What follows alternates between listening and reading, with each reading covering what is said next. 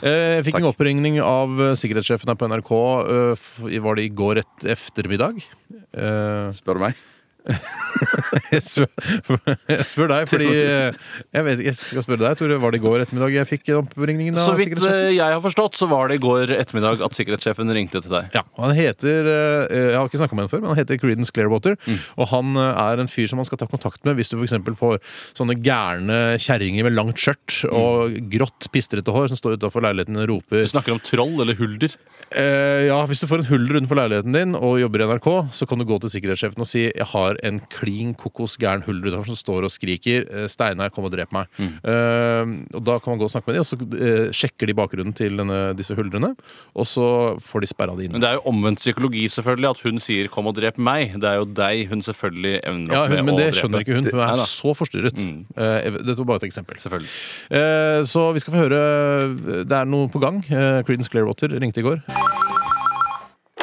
Hallo, det er Steinar. God dag, Sagen. Mitt navn er Creedence Clearwater, og jeg er sikkerhetsansvarlig i NRK. Eh, ja vel, er det noe gærent? Er det noe gærent? Er det noe gærent? Hvorfor spør du om det, Sagen? Er det mitt navn du reagerer på, kanskje? Creedence Clearwater?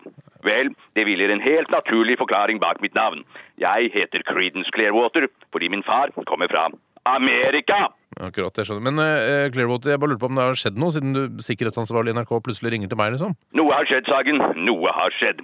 Du vet, utenfor NRKs murer er det tusenvis av gærninger, psykopater, gatemusikanter og andre perverse som vandrer fritt rundt om i gatene. Ja. Og alle gærningers våte drøm er å komme i kontakt med celebritetene og kjendisene som jobber her i kringkastingen. Ja. Og da er det min oppgave som sikkerhetsansvarlig i NRK å beskytte disse kjente personlighetene mot trusselen utenfra. Men hva har dette med meg å gjøre, Creedence? Vel, Sagen, det har ganske så mye med deg å gjøre.